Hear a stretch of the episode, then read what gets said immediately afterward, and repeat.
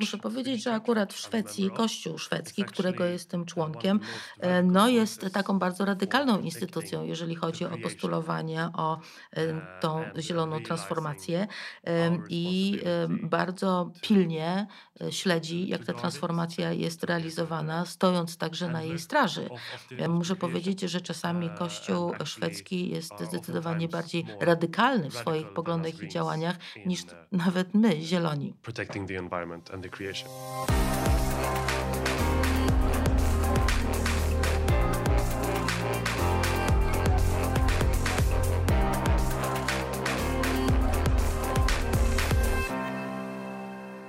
Dzień dobry, to jest kolejny odcinek y, Zielonego Podcastu. Dziś wyjątkowy odcinek, a to dlatego, że mamy wyjątkowego gościa. Jakub Dalunde, były europoseł y, szwedzki i przyszły europoseł y, szwedzki. Hello Jakub. Hello, nice to meet you. A przyszły y, europoseł szwedzki, dlatego że Jakub czeka na Brexit. Dopiero po Brexicie zostanie europosłem. No swoją drogą to musi być trochę niewygodna sytuacja. Yes, it's a very.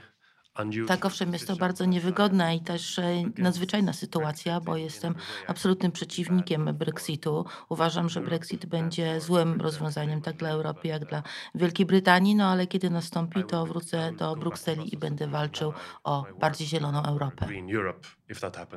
A w podcast jest wyjątkowy dlatego, że rozmawiamy w wyborczy weekend y, w Polsce. Wyborczy weekend, kiedy po raz pierwszy do polskiego Sejmu, no mam nadzieję, że już weszli polscy zieloni. Polscy zieloni istnieją od y, 15 lat, a teraz mają może jeszcze nie tak dużą, ale jednak bardzo ważną reprezentację w Sejmie.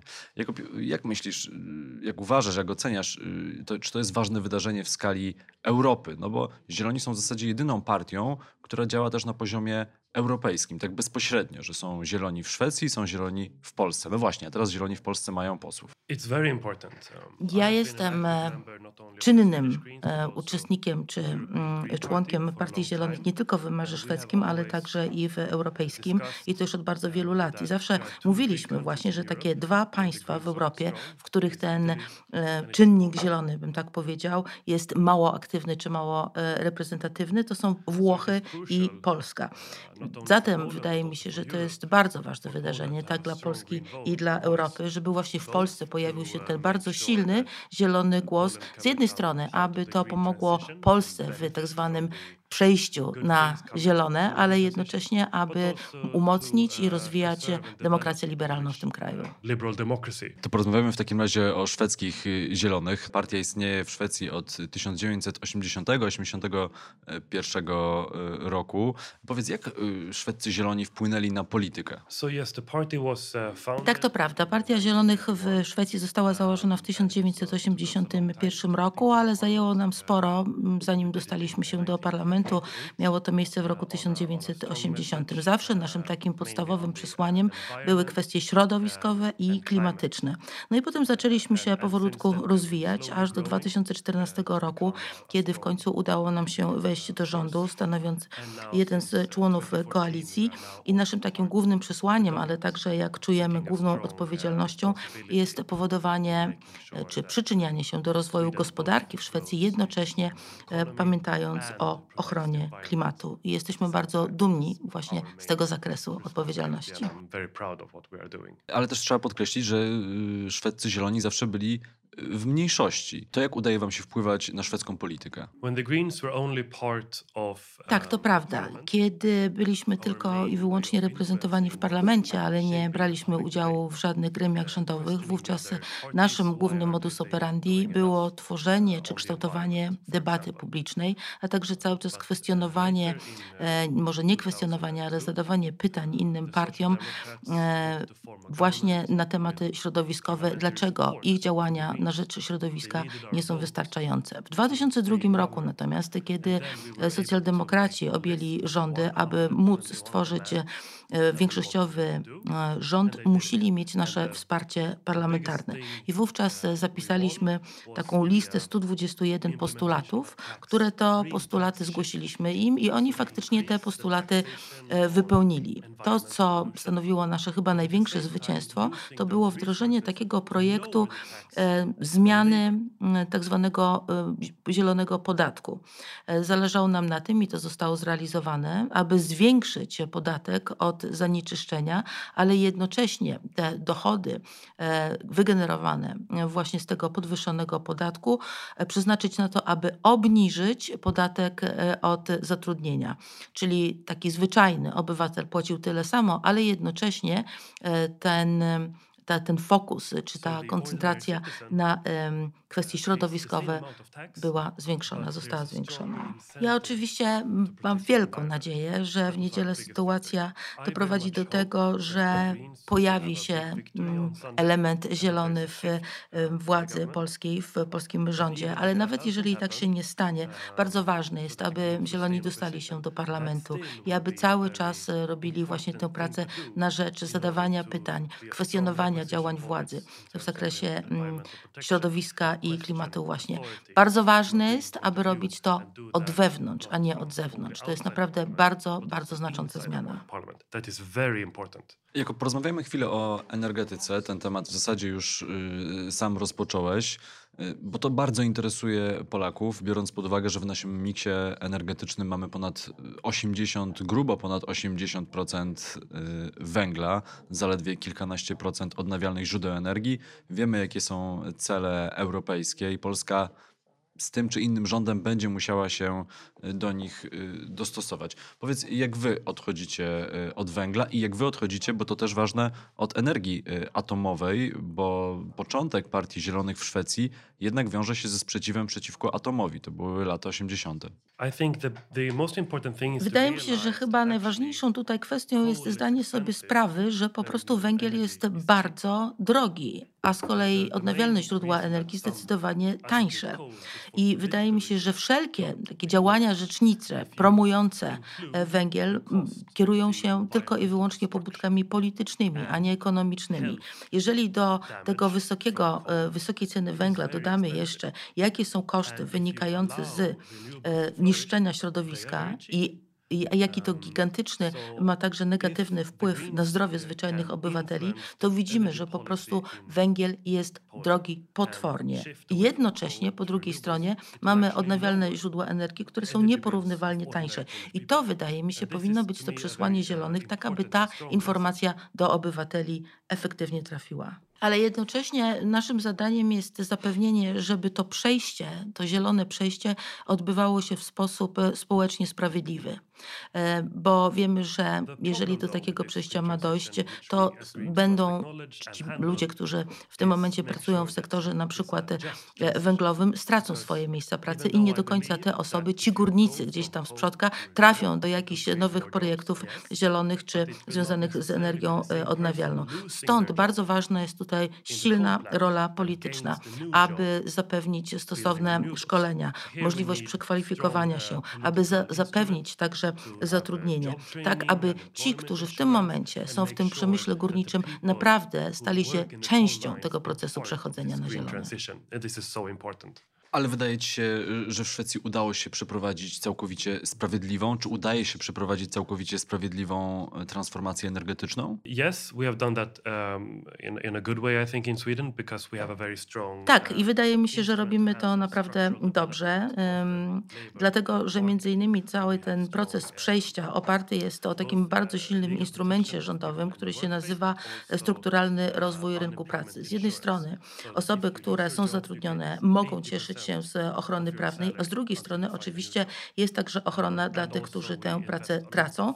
Osoba, która traci pracę, może em, otrzymywać 80% swojego wynagrodzenia do momentu znalezienia następnego e, zatrudnienia. E, I to jest bardzo ważne także z punktu widzenia tego, że ktoś, kto traci miejsce pracy w jakimś jednym sektorze przemysłu, może być przekwalifikowany z udziałem i z pomocą e, władz z pomocą e, rządową, e, tak by móc znaleźć miejsce pracy zupełnie w jakimś e, innym przemyśle. Zresztą to nie jest proces i to nie jest metoda, którą wypracowaliśmy my, zieloni, wprowadzając oczywiście to do tego przejścia na zieleń. Zdecydowanie jest to proces o starszych źródłach już po II wojnie światowej, kiedy dostrzegliśmy w Szwecji, że trzeba naszą gospodarkę bardziej przysposobić do tych procesów globalizacyjnych. Zdawaliśmy sobie sprawę, że niektóre stare przemysły po prostu odchodzą, e, przychodzą e, nowe e, sektory. E, W ten sposób prowadziliśmy po prostu restrukturyzację także na rynku pracy i przez to staliśmy się bogatym e, krajem. E, Odchodząc od tych e, sektorów rynku, które są po prostu e, nie przynoszą e, dużych zysków i wchodząc w te miejsca, które są e, nowe. W tym momencie to całe przejście na zieleń bardzo ładnie się w tę tradycję wpisuje. Jeszcze tylko chcę dodać, e, że aby wymóc zmianę i to w sposób pomyślny, nie możemy mm, proponować czegoś, co będzie ludzi straszyć, co będzie powodować ich dyskomfort i strach. Musimy mówić e, rzeczy, które będą wywoływać poczucie bezpieczeństwa i komfortu właśnie. Wówczas ta zmiana przyjdzie sama. I stąd to przesłanie zielonych nie może być takim przesłaniem negatywnym, prawda, wywołującym strach. Musi to być przesłanie, które będzie wywoływało poczucie nadziei. I wówczas, e, że tak powiem, to przejście będzie pozytywne samo z siebie.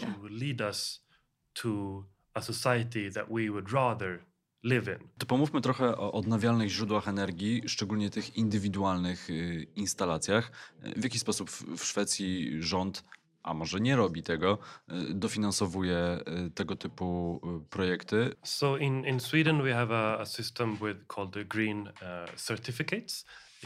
Tak, no po pierwsze mamy w Szwecji tak zwane zielone certyfikaty. Są to certyfikaty, które polegają na tym, iż e, spółki i zakłady produkujące energię, które robią to w sposób e, mm, nie wykorzystując odnawialnych źródeł energii, muszą po prostu finansować produkcję energii ze źródeł odnawialnych i to jeszcze w sposób efektywny kosztowo. I to stanowi bardzo znaczącą out, motywację do przechodzenia właśnie na energetykę z źródeł odnawialnych. W Szwecji akurat tym takim podstawowym źródłem jest wiatr. E, No ale oczywiście wiatr to nie wszystko, no bo czasami zdarza się tak, że akurat e, tego wiatru nie ma. Wobec powyższego musimy mm, w jakiś sposób ten cały system uzupełniać i robimy to korzystając z uh, energetyki wodnej. Akurat tutaj jesteśmy w bardzo dobrej sytuacji, że jeżeli chodzi o hydroenergię, Szwecja jest dobrze zlokalizowana i oczywiście do tego miksu dodajemy e, wiatr i energię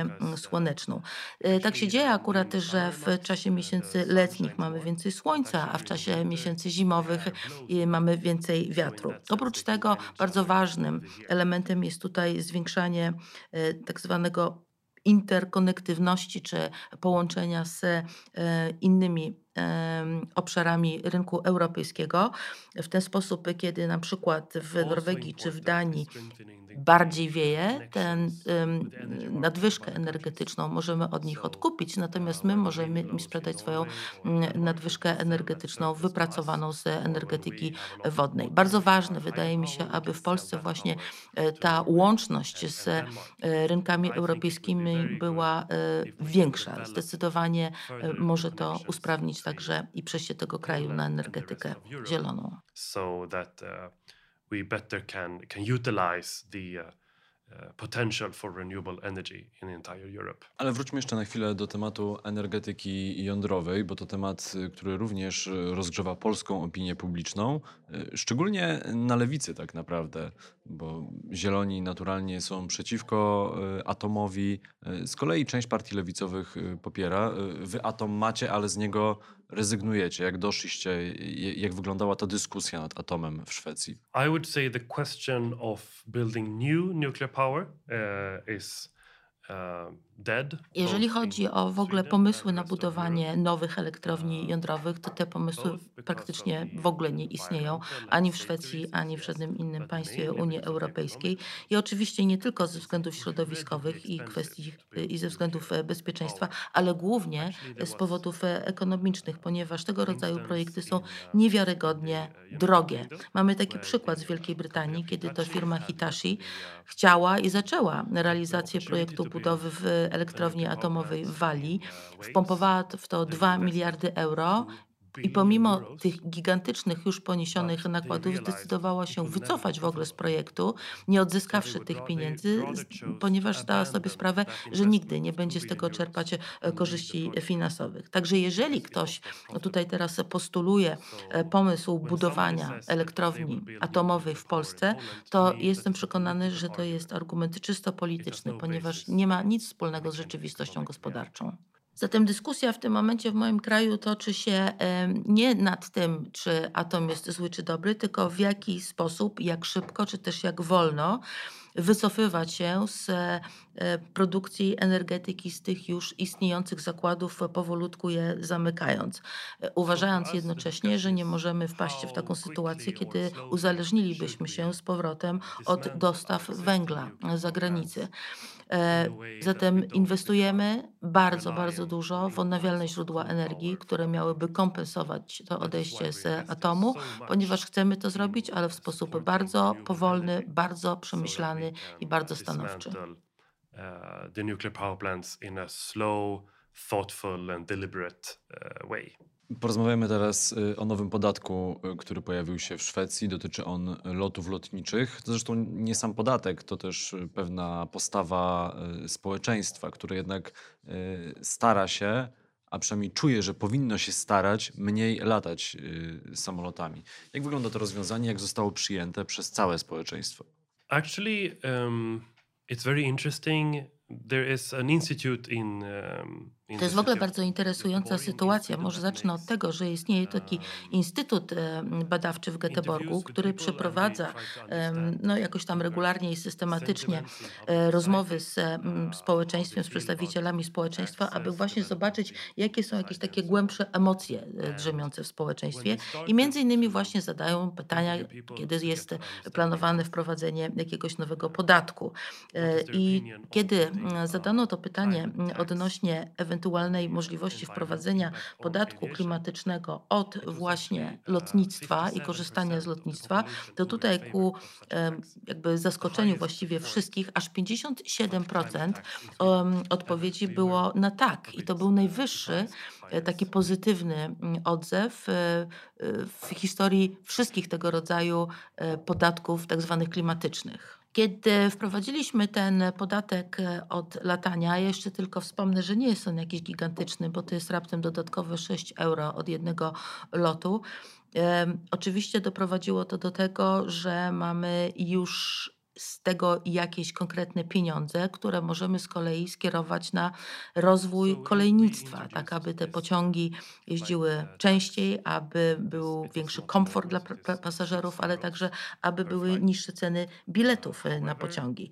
Ale chcę powiedzieć, że ten podatek ma także pewien wymiar symboliczny, pewną korzyść symboliczną, ponieważ on wprowadza do świadomości zdecydowanie większą odpowiedzialność społeczną wobec klimatu za korzystanie właśnie z lotnictwa. Czyli nie tylko zmienia się mentalność użytkowników czy podróżnych, ale także e, ma to wpływ e, na ich gospodarowanie własnymi portfelami, że wolą przez to wybierać zdecydowanie bardziej zrównoważone środki transportu. Przed wprowadzeniem tego podatku e, odnotowywaliśmy wzrost e, liczby lotów i pasażerów korzystających z e, tego mm, rozwiązania transportowego co roku. E, Z roku na rok po prostu była ta zwyżka, podczas kiedy e, wprowadzono ten podatek, odnotowaliśmy chociażby tylko w tym roku spadek o 7% w mm, liczbie pasażerów korzystających z samolotów. Ma to gigantyczny wpływ i także właśnie już się zaczęły pojawiać z tego tytułu dochody, które, tak jak wspominałem, są przekazywane e, do, mm, e, na kolejnictwo. Największa e, spółka kolejnicza w Szwecji w tym momencie mogła już dzięki tym dodatkowym dochodom zwiększyć swoje możliwości przewoźnicze o, przepraszam, będzie mogła zwiększyć swoje możliwości przewoźnicze o 50% w perspektywie 10 najbliższych lat. It's going to increase with over 50% over the coming 10 years. To, co jest ciekawe w tym, co mówisz, i to w zasadzie chodzi o wszystkie nowe daniny y, czy podatki, y, to fakt, że są one kierowane później, te pieniądze, na konkretny cel. W Polsce zwykle pieniądze trafiają do ogólnego budżetu, co z jednej strony polityków nie zmusza do tego, żeby te pieniądze zostały później przeznaczone tak, jak początkowo o tym mówiono, a z drugiej strony obywatele też nie mają wrażenia, że płacąc jakiś dodatkowy podatek, faktycznie te pieniądze y, trafiają na jakiś konkretny cel. So um, it actually works in the, in the same way in Poland and Sweden. Jeżeli chodzi o te techniczne rozwiązania, to tutaj różnic pomiędzy Polską a Szwecją nie ma, bo też jest tak, że po prostu dochody z wszelkiego rodzaju danin czy 3 podatków trafiają do tego tak zwanego budżetu ogólnego, ale kiedy wprowadza się konkretny podatek, jak to miało miejsce na przykład w, przypadku tego projektu zielonego, to tutaj są pewne mm, założenia budżetowe, prawda? Że na przykład z tego tytułu będziemy mieli dodatkowe 3 technically, miliardy. Jednocześnie w tym budżecie planowanym zakładamy wzrost inwestycji, na przykład na kolejnictwo, o the 3 income and miliardy. I to nam się w ten sposób e, e, bilansuje. Jeżeli oczywiście do, do, do, potem dochodzi do tego, że te dochody z tego podatku są wyższe, no to one faktycznie trafiają do tego ogólnego budżetu. Czyli tutaj różnic, jeżeli chodzi o tę stronę techniczną między Polską a Szwecją nie ma. Oprócz tego oczywiście mamy instytucję tak zwanego śledztwa publicznego, dochodzenia publicznego. Polega to na tym, że dziennikarz, skądkolwiek by nie był, ma mm, dostęp zagwarantowany of, do uh, wszelkich dokumentów rządowych i może prześledzić e, ścieżkę wydania wszystkich pieniędzy, e, które znajdują się w budżecie, które są przeznaczone na konkretne cele. uh, Oprócz tego także mamy e, niezależne uh, media, które cały czas e, uh, przepytują istniejące władze, absolutnie nie e, działają no, w formie takiej uh, propagandowej tuby władzy. I to nam mm, pomaga mm, właśnie w tym uh, takim nadzorze nad wydawaniem pieniędzy, upewniając się, że każda korona, no w przypadku Polski to uh, byłaby inna waluta, uh, jest e, wydawana w sposób właściwy i zgodnie z założeniami. uh, uh. Temat mediów może jednak y, zostawmy, bo media publiczne w Polsce rzeczywiście są w ogromnym y, kryzysie. Ale poruszmy inny aktualny temat. Y, Trwa e, ten okres w roku, gdy poznajemy laureatów Nagrody Nobla. E, Literacki Nobel dla Olgi Tokarczuk. Świetna wiadomość, także dla tych, którzy mają e, zielone serduszko. E, No, wiele osób spodziewało się także, że Greta e, dostanie pokojowego Nobla. E, Tak się jednak nie stało. A powiedz, jak duży wpływ na szwedzką politykę miała właśnie ta nastolatka? So she has uh, been very strong in Ona jest e, no, bardzo taką silną osobowością i bardzo się przyczyniła do skanalizowania w pewien sposób e, emocji młodych ludzi w Szwecji. Po raz pierwszy w tak wielkiej masie młodzi ludzie w Szwecji mogli dać upust swoim emocjom. To, o czym ona mówi, sama treść, którą e, promuje, nie jest niczym nowym. My, jako Zieloni, już od dziesięcioleci o tych samych kwestiach mówimy, ja o nie apelujemy, ale tutaj mamy nowego posłańca, zupełnie innego nowego posłańca, a także ten sposób komunikacji jest zupełnie inny. Bowiem oto pojawiła się mała, młoda dziewczyna, dziewczynka, która mówi także, mm, oskarżając te istniejące pokolenia, ale jest głosem tych pokoleń przyszłych. which um, it's a very strong uh, message. W Polsce Greta musiała się spotkać, y, tak jak i w Stanach Zjednoczonych, na przykład z pewną y, krytyką, szczególnie e, mężczyzn y, po pięćdziesiątce. E, A jaki był odbiór Grety w Szwecji? So it is uh, also similar in Sweden. Muszę powiedzieć, uh, że older sytuacja w e, Szwecji jest bardzo podobna. Właśnie spotykamy się z takim fenomenem starszych mężczyzn, czy mężczyzn w zaawansowanym wieku średnim, którzy ją krytykują. Być może to jest pewnego rodzaju wynikiem niezrozumienia, myśląc, że to ona sama e, generuje, że tak powiem, te informacje, które "Oh, this przedstawia na 16-year-old temat klimatu, no." podczas kiedy jedyne to, co ona mówi, to słuchajcie naukowców. Słuchajcie naukowców, a wiemy, że naukowcy w sposób jednogłośny już od dziesięcioleci mówią, że musimy coś zrobić z klimatem, że w tym momencie znajdujemy się w sytuacji naprawdę, naprawdę bardzo trudnej. Może to jest też takie zjawisko, że generalnie starsi mężczyźni niekoniecznie chętnie słuchają młodszych kobiet. Ale no, trudno, to ona ma rację, a oni nie. Telling them what to do. But she is right and they are wrong. E, Jakob, kończąc już powoli naszą rozmowę, e, muszę jednak zapytać e, o Polskę, bo znasz Polskę dość dobrze. Przyjeżdżasz tutaj od wielu lat. Gdy patrzysz na rozwój Polski, jak zmieniają się polskie miasta, to czy masz wrażenie, że my jesteśmy już krajem gotowym na walkę ze zmianami klimatu? Bo wielu polityków w Polsce próbuje nam wmówić, że nie jesteśmy jeszcze na tym etapie rozwoju jako kraj, żebyśmy to my musieli dzisiaj y, z tym tematem się zmierzyć, że to bogatsi powinni robić, a Polska jest jeszcze za biedna na walkę ze zmianami klimatu. To me, it is very obvious that Nie ulega dla mnie wątpliwości, że przez te całe lata 100 no, Polska, obywatele polscy no, byli w sposób znaczący ograniczani przez fakt, że uh, tutaj właściwie uh, działały zewnętrzne siły, uh, które no, ten kraj w dużej mierze e, kontrolowały. Ale teraz, kiedy w Polsce już e, a mamy wolność po e, tych kilkudziesięciu latach, widzę tutaj gigantyczny potencjał, gigantyczną energię, która no, naprawdę wybuchła country i jak has widzę rozwój tego kraju, jest on naprawdę niesamowity, szczególnie od momentu przystąpienia Polski uh, do Unii Europejskiej. Jestem także przekonany, że historyczne doświadczenie Polaków nie, niestety kładzie się cieniem na relacje polskich obywateli ze władzami. E, Polacy po prostu nie do końca wierzą i nie mają zaufania do swoich rządów. Nie czują, że oni są właściwie e, może nie włodarzami, ale tymi, którzy e, m, są właścicielami może e, tego rządu i że de facto mogą posiadać jakiś wpływ na e, decyzje i sposób rządzenia.